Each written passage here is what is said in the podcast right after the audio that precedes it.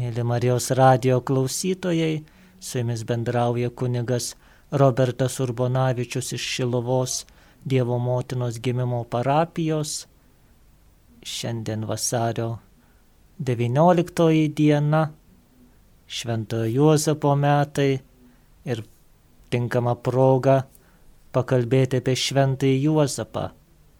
Kiekvieno mėnesio 19 diena ypatingai yra skirta šiam šventajam, kaip ir pirmo mėnesio trečiadienį, kaip ir apskritai trečiadienį.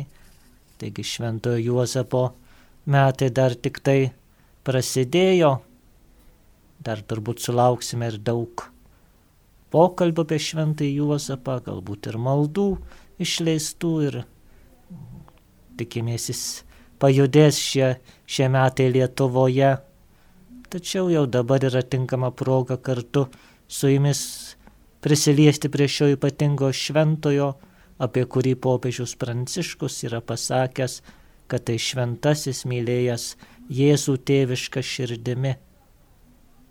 Kalbėdami apie šventąjį Juozapą, mes labai dažnai remiamės arba tomis legendomis, dvasingomis istorijomis arba pamaldumo tradicijomis, kurios kartais ne visada atitinka tą tikrovę. Kaip ir visais laikais, taip ypatingai dabar yra tas troškimas grįžti prie šaltinių, tai yra prie tų pirmųjų tekstų, pirmųjų įvaizdžių, ar tai būtų apie mūsų viešpatį Jėzų, ar apie mergelę Mariją, apie šventąjį Juozapą, Nes kaip žinome, labai dažnai tas pamaldumas, tos užrašytos tradicijos pasakojimai kartais užneša tą tikrąjį šventojo atvaizdą, kuomet legendos tampa daug, daug didesnė tikrovė negu tas pats šventasis, turbūt žinome su, su įvairiais šventaisiais, su šventuoju Jurgiu, apie jį pirmiausiai žinome tai, kad jisai kovėsi su, su slibinu ir jį nugalėjo. Ir, ir mums tikintiesiam tai aišku suprantama kaip graži alegorija, tačiau netikinčiam žmogui turbūt, jeigu tą sužinotų, pagalvotų, kad tie krikščionys visai suvaikėja tik visokiamis pasakomis, juk tikrai realybėje neegzistuoja nei, nei drakonai, nei slibinai, tai iš pasakų srities. Tačiau ši istorija apie Šventąjį Jurgį, tai irgi yra sukurta viduramžiais. Tai tik tai vienas to šventojo aspektas. Ta šventojo Jurgio istorinė asmenybė yra daug gražesnė ir daug didingesnė, bet aišku, čia kita katechezės tema. Šiandien kalbėsime apie šventąjį Juozapą, apie istorinį Juozapą iš Nazareto, ką galima apie jį pasakyti tikrą kas ne, ne mūsų pamaldumo tradicijų, ne kažkokių šventųjų galbūt pamaldžių vizijų užrašyta, ne, ne krikščioniško meno suformuota, bet ką galėtume pasakyti tikrą, koks jisai buvo Juozapas iš Nazareto. Aišku, šitas klausimas, šitas troškimas iš vienos pusės yra irgi neįmanomas, nes, kaip žinia, evangelistai nerašė biografijų, kaip mes dabar suprantame, kur pasimame kokią nors knygą ar apie kažkokį šiais laikais gyvenusi šventą ir Joną Paulių II ir motiną Teresę, kur dokumentuotai su, su tyrimais pasakoma nuo jų, nuo jų gimimo istorijos, kas buvo jų tėvai, kokia buvo aplinka, ką jie veikė, ką jie darė ir papasakomas visas žmogaus gyvenimas.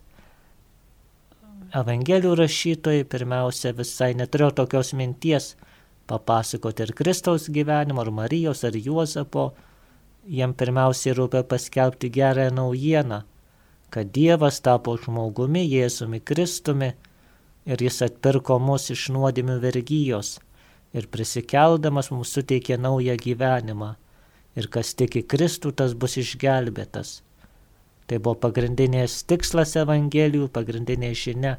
Tad visa tai, kas užrašyta Evangelijose, ką girdime apie Mariją, apie Juozapą, užrašyta tik tiek, kiek, kiek tarnauja ta išinė, papasakoti apie Kristaus istoriją apie Kristaus įvykį.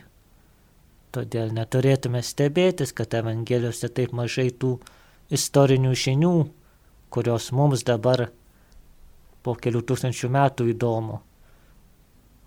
Turėtume suprasti, kad evangelistai ne tai, kad nesidomėjo tų šventųjų gyvenimų, bet jie turėjo visai kitą tikslą ir visai kitus, kitus reikalavimus. Todėl, nors jeigu net neparašyta, ką Juozapas kalbėjo, nes Evangelijoje nėra ne vieno Juozapo žodžio, tai nereiškia, kad jisai buvo nebylys. Jeigu net neparašyta, kada Juozapas mirė, tai nereiškia, kad jisai iš vis, iš vis nemirė. Tuos dalykus mes galime atsekti, remdamiesi kitų tuo metu rašytojų užrašais ar, ar, ar archeologiniais tyrimais, ar to meto visuomenės samprata. Tikrai Evangelijos yra patikimas liūdytojas. Tad ką Evangelijos mums pasakoja apie šventąjį Juozapą, to meto aplinką, ką galima sužinoti. Jeigu nusikeltume į to meto judėją, į to meto Palestiną, tai yra į tos pirmamžių prieš Kristų, Kristaus laikus, turbūt jeigu bendrautume su to meto gyventojais, žydais, jie pirmiausia pasisveikinę su mumis turbūt klaustų, o kas tu esi, kieno vaikas tu esi, kas tavo protėviai, iš kurios giminės tu kilęs. Mums tai atrodo dabar keista, kad žmogaus tapatybė nustatoma pagal jo priklausimą tėvui, seneliui ar, ar kažkokiam klanui. Tikrai mes atėję ar, ar į darbą, ar, ar susipažinti, nesakome aš su Petras, Antano sūnus, sūnus sunus Juozapo, sunus ten kokio Anupro, kilęs iš, iš kokiu nors nemakščių ir šilutės rajono. Mums tai nėra svarbu, tačiau pagal to meto žydišką sampratą tai buvo labai svarbu, nes priklausimas vienai ir kitai giminiai Izraelio reiškia, kad tu priklausai išrinktai Dievo tautai. Todėl tai buvo tarsi to žmogaus pasas. Jeigu geras tėvas, gera giminė, reiškia, kad ir tu esi geras žmogus. Todėl ir evangelistai tiek ir Lukas, tiek ir Matas pateikė Kristaus genealogijas, tam, kad parodytų, iš kur Kristus kaip žmogus atėjo. Matas siekia iki Abromo, parodydamas, kad Jėzus yra Abromui ir Dovydui duotų pažadų išpildytojas, o Lukas net iki Adomo, tai yra, kad Kristus savo žmogystė yra bendras visai žmonijai. Šiuose genealogijose, kas liečia Juozapą, mums įdomu tai, kad pirmiausia, Juozapas yra kilęs iš garbingos judo giminės ir iš mesinės Dovido atšalos. Tai yra Judas, tarp visų 12 Izraelio giminių buvo ypatingai išskirtas, nes iš jo, šitos giminės, kilo karalius Dovydas, kuriam Dievas davė tą mesinį pažadą, kad tavo po tavęs tavo sūnus sėdės Izraelio sostė ir jo karalystė bus per amžius. Mes krikščionys tikime, kad būtent Kristus Jėzus išpildė šį pažadą duotą Dovydui, kad jis yra tas mesijas, kurio laukia Izraelio tauta. Taigi savaime Juozapas jau priklausė išrinktai giminiai, priklausė Dievo pažadams, kurie buvo duoti Dovydui. Galima sakyti, kad Juozapas buvo tas nekarūnuotasis karalius, tas Dovido palikuonis, kurio globojimas Jėzus tapo ženklu visom tautoms, tai yra buvo tas lauktasis Izraelio mesijas. Tad jau vien šita Davido giminė, kuriai Juozapas priklauso, rodo Juozapo garbingumą. Įdomu, kad Lukas ir Matas skirtingai pateikia Juozapo tėvų vardus. Lukas Juozapo tėvą vadina Heliu, o Matas jį vadina Jokūbu Taigi buvo labai daug per visą krikščionybės istoriją bandymų paaiškinti, kodėl, sakytume, Juozapas turi du skirtingus tėvus. Turbūt čia ne, nebus vietos ir nebus laiko atskleisti visas teorijas. Pagrindinės galbūt yra tos, kad buvo ir yra bandoma aiškinti tuo, kad turbūt Juozapo tėvas, tas biologinis tėvas, jeigu sakytume, tai turbūt buvo Jokūbas, mirė ir pagal to meto žydų įstatymus Juozapo tėvo brolis turbūt vedė, vedė savo brolio našlę ir jai pažadino kitus palikuonis. Tai yra, buvo įprasta, kad, kad nesibaigtų ta giminės atšaka, mirusio brolis turėdavo, turėdavo vesti to brolio našlę. Gali būti, kad Jozapas galbūt buvo įsūnytas Helio kaip priglaustas, arba galbūt kita teorija teigia, kad Matas genealogiją Kristaus pateikė per, per Juozapo liniją, o Lukas per mergelės Marijos liniją. Taigi Helis būtų mergelės Marijos tėvas ir labai įdomu, kad Helis tai yra santrupa Heliakimas arba hebrajiškai būtų Joakimas sakytume, atitiktų tą tradicinį pasakojimą, jog Marijos tėvo vardas buvo Joakimas. Tačiau, kad ir kaip ten būtų, svarbiausia tikrai, kad Juozapas turėjo tėvą ir kad Juozapas priklausė tai išrinktai giminiai. Ir turbūt Juozapas gimė Betliejuje, nes, kaip žinome, per gyventojų surašymą Juozapas ten turėjo keliauti su mergelė Marija užsirašyti, nes jo tėvonyje vadinasi buvo ten. Neaišku kada ir kokiamis aplinkybėmis Juozapas atsiranda Nazarete.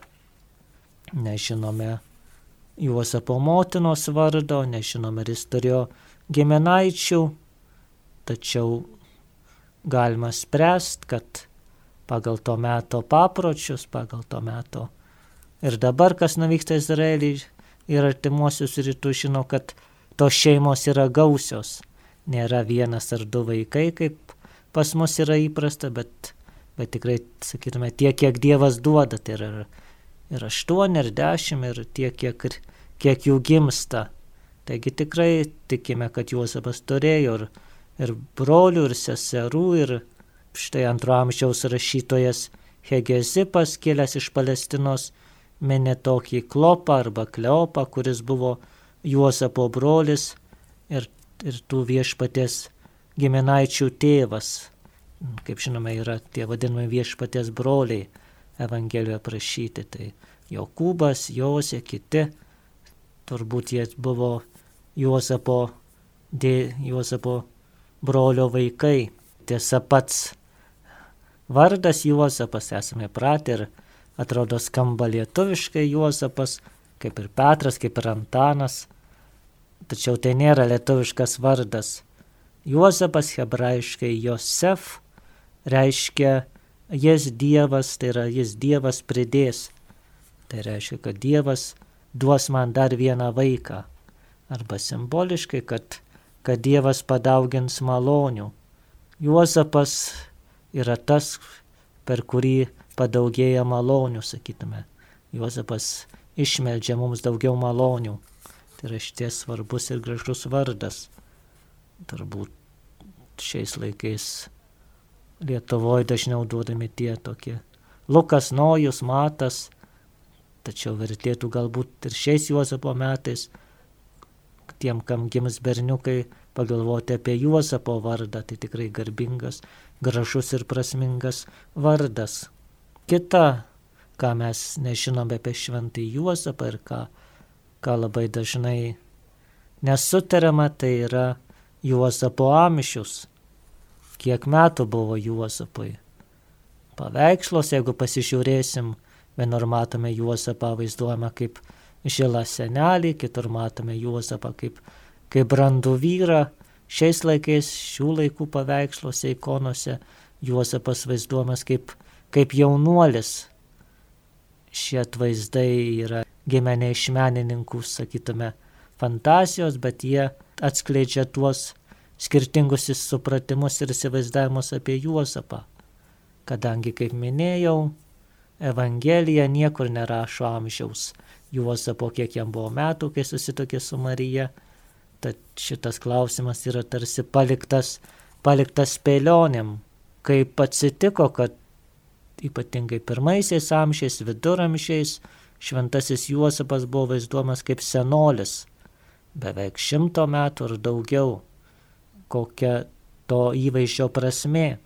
Tikriausiai pats pirmasis šaltinis, kuris įvedė šią tradiciją, tai buvo apie antro amžiaus pradžią, 120-30 metus, sukurtas pirmasis krikščioniškas bestselleris.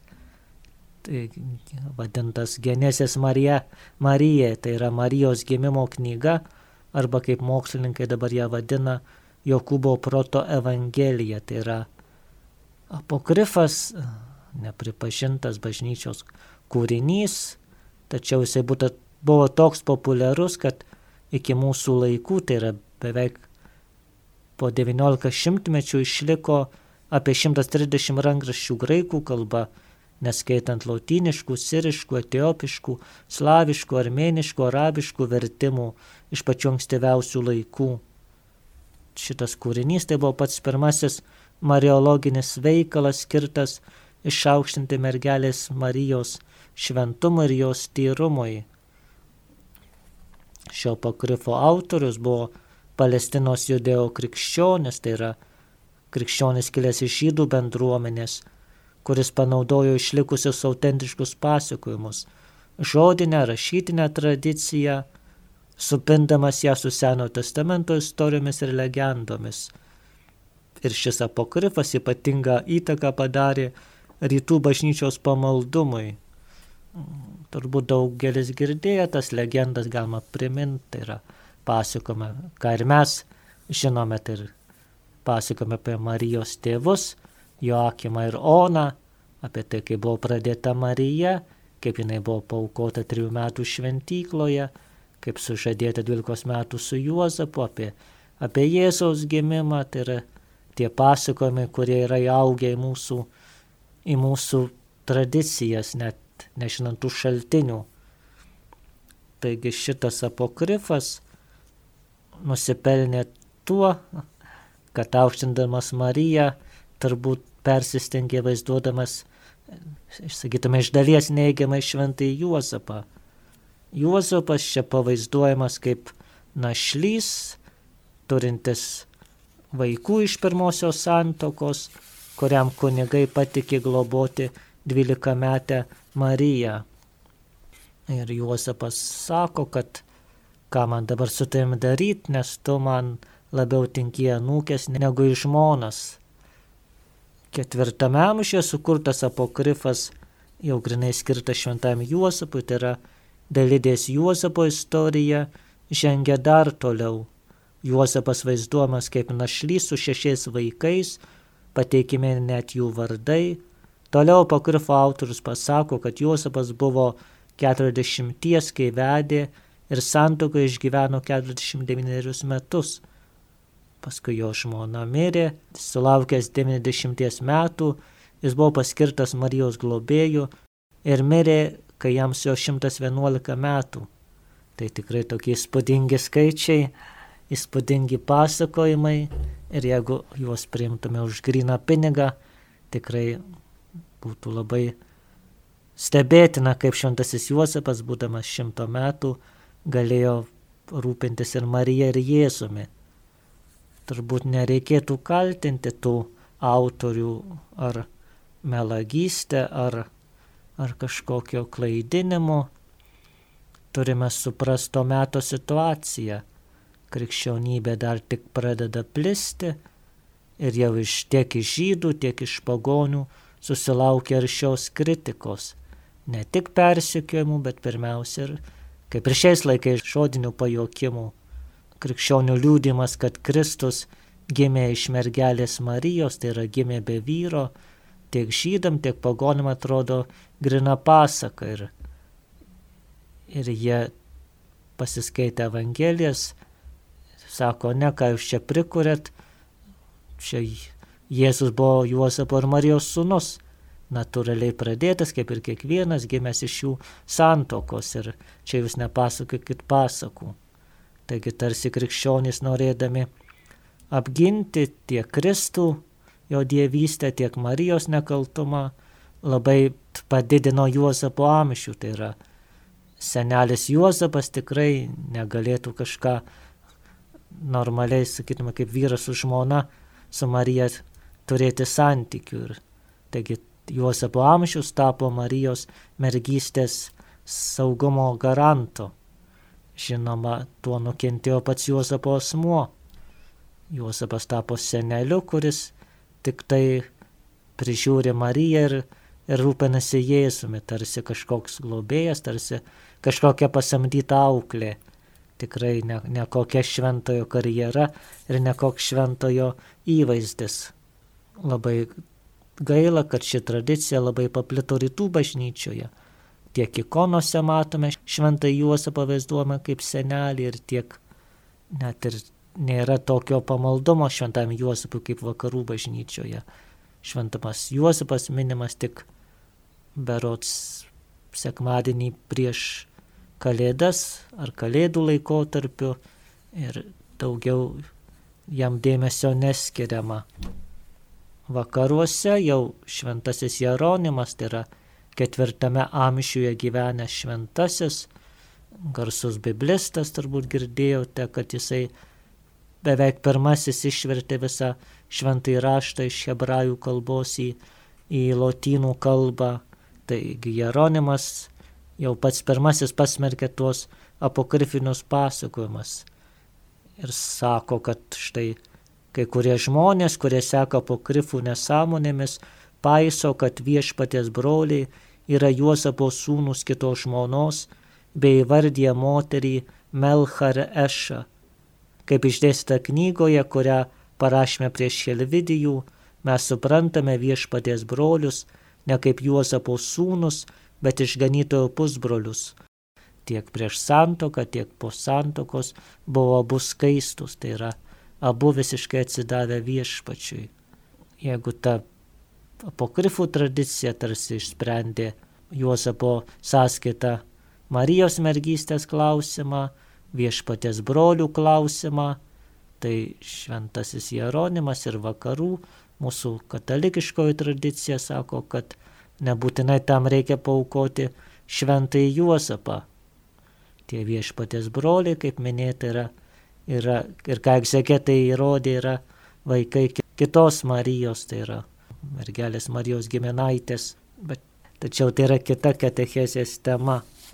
Ir be to, aišku, normaliai žiūrint tikrai 90 metų senolis tikrai negalėtų būti pavyzdžių tėvo vaikui, tikrai nesugebėtų, kaip kai kurie jokauja, nukeliauti pėsčiomis į Egiptą, išlaikyti savo šeimą, kuri tais laikais tikrai darbas buvo sunkus, ne, ne prie kompiuterio, ne, ne, ne, nerašant kažkokius popierius, bet tikrai fiziškai dirbant, tad Juozapas tikrai turėjo būti jaunas ir puikus vyriškis. Ir jeigu klaustumėte, kiek, ar galima nustatyti, kiek Juozapai buvo metų, kai jisai susitokė su Marija, kai kurios, žinot, turbūt mistikų, regėtojų tradicijos, tai Juozapo amžių visi irgi jaunino. Ir dabar taip yra teigiama. Ir čia ir palaimintoje Emerich ir kiti regėtojai sako, kad Juozapai buvo apie 30 metų, kai jisai susitokė su mergele Marija, žinant to meto papročius, kurie buvo prašyti žydų raštuose, vaikino santokos amžius, tai yra vaikinas, kuris tinkamas santokai buvo nuo 18 metų, tarp 18-20 metų. Taigi tikrai galima tikėti ir Turbūt tai ir yra tiesa, kad Juozapas buvo normalus vaikinas, tai yra 18-20 metų, jaunas kaip ir Marija, kaip ir Marija save pašventęs viešpačiui. tikrai seno Juozapo auka atrodytų visiškai bevertė, nes jis neturėjo ką aukoti, ką prarasti. Gyvenęs pirmoji santokoje, turintis vaikų, yra tik tai kaip prižiūrėtojas, o štai jaunas Juozapas pačiame žydėjime jėgų, jisai viešpačiui paukoja viską, tai yra tą savo galbūt planus, turėti žmoną, turėti vaikų su ją, jis viską paukoja viešpačiui, kad tikrai iš meilės Jėzui ir Marijai tampa ta, ta dovana jiems.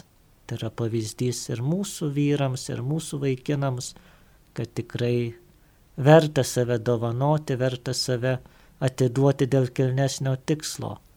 Tikrai jaunas Juozapas yra daug, daug patrauklesnis ir daug labiau galintis prakalbinti mūsų širdis. Juozapo ir Marijos santoka tikrai buvo toji abiejų auka, tiek ir Marijos, tiek ir Juozapo. Tai yra buvo toji santoka, kur su toktiniu meilė buvo tikrai pagrįsta vieno kito tarpusavio pagarbą ir vienas kito tarpusavio meilę, kuri įsireiškė Juozapo ir Marijos santokos įskirtinumas buvo tame, kad abu, tiek Juozapas ir Marija, paukodami save dėl viešpaties, iš tikrųjų vienas kitą mylėjo tą tobulą skaiščią meilę. Ir štai tas pats Jeronimas irgi sako, sakai, kad Marija neišliko mergelė, o aš tau teigiu, kad Juozapas buvo mergeliškas per Mariją, kad iš mergeliškos santokos gimtų mergeliškas sūnus. Nes jei kaltinamas svetimavimu, neįskiriamas šiam šventam vyrui ir jei nerašoma, kad jis turėjo kitą žmoną ir jei jis buvo daugiau gynėjas nei Marijos vyras, kurią jis buvo vedęs, Belieka tik teikti, kad tas, kuris nusipelnė būti vadinamas viešpatės tėvu, išliko mergeliškas su ja. Tai yra Juozapas yra tikrai tas skaistumo, tyrumo, santūrumo pavyzdys. Ir nors mes, katalikai, tiek kunigai, tiek pasauliečiai dažnai kalbėdami apie Mariją, Juozapą, aukštindami jų santykius, dažnai juos įvardyjame kaip sužadėtinius, nes kadangi evangelistas Lukas rašo, ir, ir Lukas ir Matas rašo, kad Juozapas buvo susižadėjęs su Marija, tačiau žinant to meto papročius, tai yra to meto žydų santoka apėmė du etapus, tai yra pirmasis etapas yra sužadėtuvės, kai vyras ir moteris įsipareigoja vienas kitam santokos ryšiais, tačiau metus laiko pagyvena atskirai, kol kol vyras paruoš namus savo žmonai. Ir tik maždaug po metų laiko įvyksta tas antrasis santokos etapas, tai yra e, vyras parsiveda savo žmoną į savo namus ir toji santoka įgyvendinama ta kūniška meilė. Tai yra Juozapas ir Marija tikrai nors ir vadinami sužadėtiniai, bet pagal to meto papročius tikrai yra sutuoktiniai vyras ir žmona. Ir evangelistai nebijo vadinti Juozapo Marijos vyru ir Jėzaus tėvu. Aišku, jie nedviprasmiškai paaiškina, kuo išskirtinė buvo jo kaip vyro ir tėvo pozicija, tačiau nesistengia nuolat priminti, kad jų, kas Juozapas nėra. Taip Juozapas ir Marija tikrai buvo vyras ir žmona, nes jų santokinis ryšys, kaip sutartinai liūdė krikščioniškoji tradicija, neturėjo fizinio artumo, tačiau tai nereiškia, kad jie vienas kito nemylėjo. Toji Juozapo ir meilės istorija, tikime, tikrai buvo pati nuostabiausia meilės istorija, kaip yra pasakęs garbingasis arkivyskupas Fultonas Šynas, tai yra pati gražiausia meilės istorija. Jo knyga yra išleista lietuviškai, tikrai berots vadinasi Pirmoji pasaulio meilė ir yra tikrai verta dėmesio. Tikrai galima drąsiai tikėti, drąsiai žvelgti Juozapą į Mariją kaip tikrai santokinės meilės pavyzdžius. Meilės, kuris save dovanoja, meilės, kuris save aukoja, meilės, kuri žiūri ne savo naudos, meilės, kuri visą pakelia ir visą ištveria, kaip sako paštalas Paulius. Taigi Juozapas tikrai atliko visas vyro ir tėvo prievolės išlaikė šeimą, palaikė savo žmoną, mokė vaikelį Jėzų melstis, perdavė savo amato žinias. Žinoma, kad, jie, kad Juozapas ir Marija ištikimai vykdė visus reikalavimus religinius to meto, keliaudavo į Jeruzalę persakytas šventas kaip maldininkai, taigi tuo metu žmonių akise tai buvo normali žydų šeima. Taigi turbūt yra labai graži žinia, kad, kad šventumui tikrai nebūtina kažkas ypatingo. Tikrai reikia. Tas šventumas reiškia kasdienybėje, atliekant savo pareigas, stengiantis tikrai mylėti vienas kitą, teisingai gražiai auginti vaikus, kurie yra šeimoje, aišku.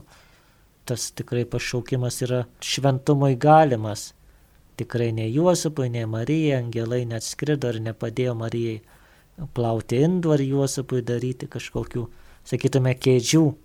Tikrai toji šeima savo darbus, savo triusus, savo džiaugsmais, savo būtiniais rūpešiais ėjo į tą šventumą. Ir tai yra geroji naujiena ir padrasinimas mums, kurie tikrai nesame nei Juozapas, nei Marija, tačiau irgi galime mylėdami, kentėdami, stengdamiesi vykdyti Dievo valią, kantriai pakeldami kasdienybės sunkumus, suspaudimus, džiaugdamiesi su besidžiaugiančiais, verkdami su be verkiančiais, tikrai galime būti šventai žmonėmis.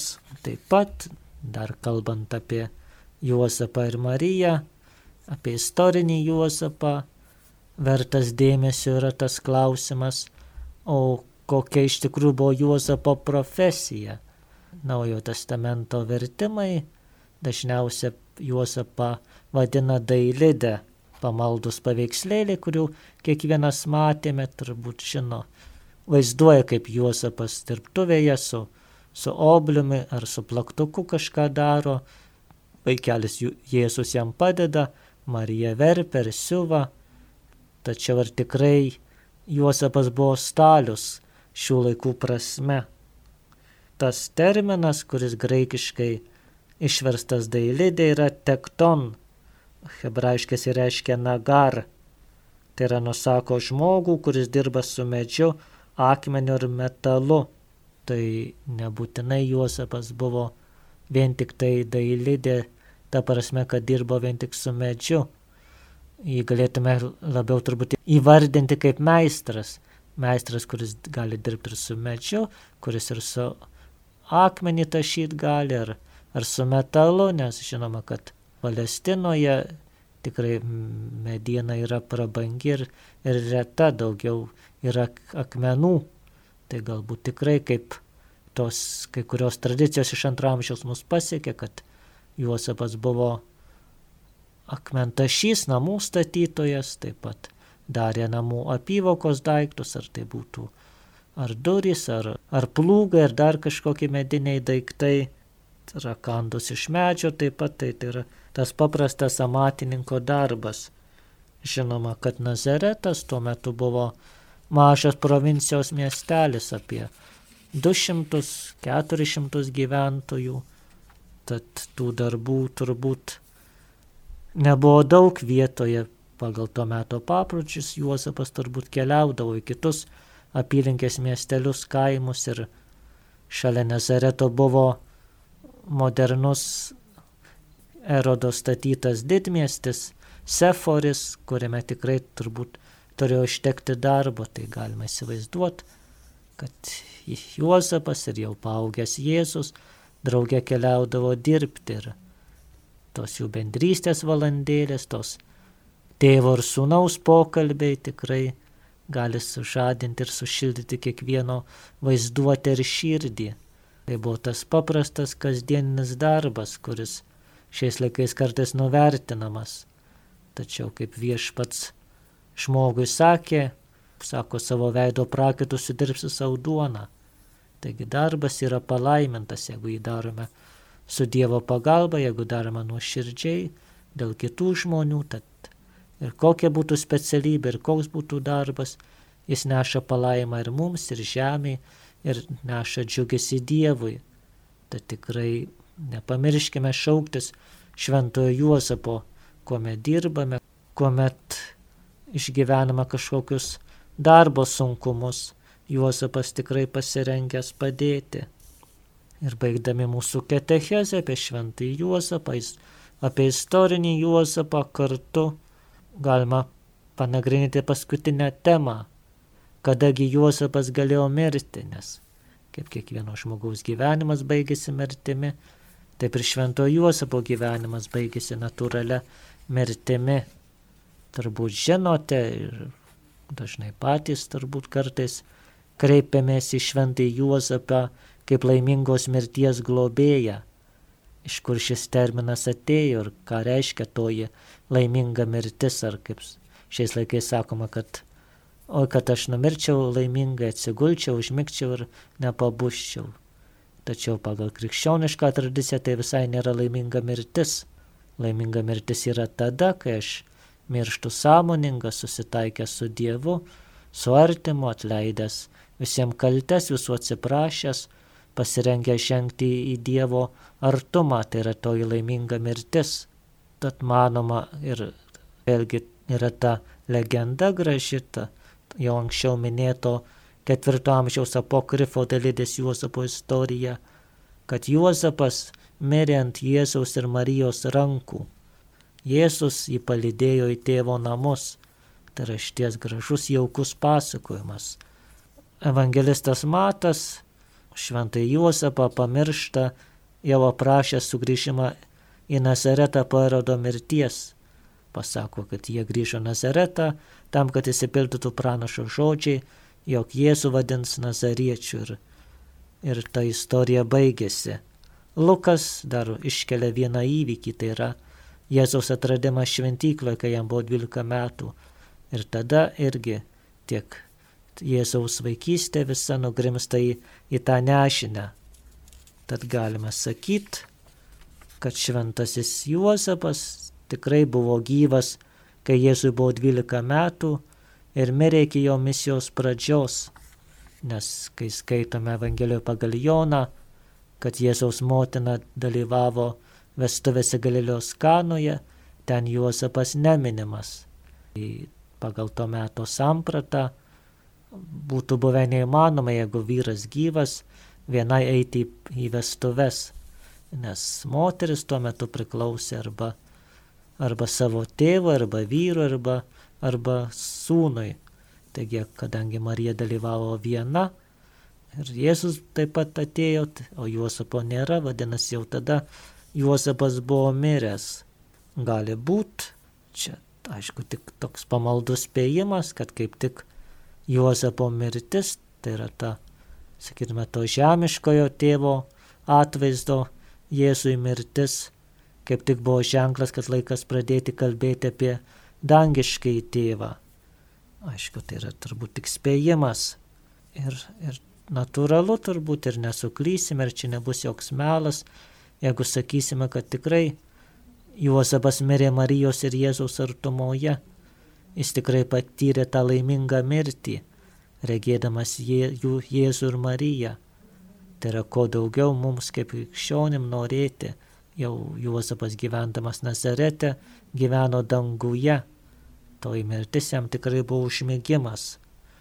Turbūt Juozapo kūnas buvo palaidotas Nazarete, nes jau antrame amžiuje vietiniai krikščionys prie jo kapo susirinkdavo melstis. Tačiau tikrai nėra niekur išlikę mūsų ir mūsų laikus nepasiekusios Juozapo kūno relikvijos. Ir kaip kai kurie teologai, tiek viduramžių, tiek dabartiniai, teigia, kad galbūt tai yra ženklas, kad, kad Juozapas irgi, kai mergelė Marija buvo prikeltas ir, ir paimtas į dangų su kūnu ir siela. Sakytume, nėra oficialiai patvirtinta tradicija, bet, bet ir nedraudžiama tuo tikėti. Taigi, mąstę šventojo Juozapo, istorinio šventojo Juozapo asmenį tikrai galime prašyti, drąsiai prašyti jo užtarimo. Juozapas, kuris gyveno tą paprastą kasdienybės gyvenimą, kaip, kaip vyro, kaip tėvo, kaip, kaip darbininko, kaip, kaip uolaus tikinčiojo, tikrai jis yra mums daug artimesnis, negu mes įsivaizduojame. Juozapui pažįstami visi kasdienybės rūpeščiai, būtiniai, darbo rūpeščiai, pažįstamos šeimos bėdos ir džiaugsmai. Taigi tikrai šventas Juozapas gali būti pats tinkamiausias užtarėjas mūsų šeimos reikaluose, auklėjant vaikus, mūsų darbo reikaluose. Ypatingai tikrai turime šventam Juozapui pavesti mūsų berniukus, mūsų vaikinus, mūsų vyrus, kad tikrai jie save formuotų pagal švento Juozapo pavyzdį, kad būtų atsakingi, besirūpintis, besiaukojantis, tikri vyrai pagal Dievo širdį. Tai tikrai prašykime švento Juozapo, kad šventasis Juozapas mus globotų, užtartų ir gintų. Mėly Marijos radio klausytojai, ačiū uždėmesį. Kartu su jumis bendravo kunigas Robertas Urbonavičius iš Šilovos Dievo motinos gimimo parapijos. Amen.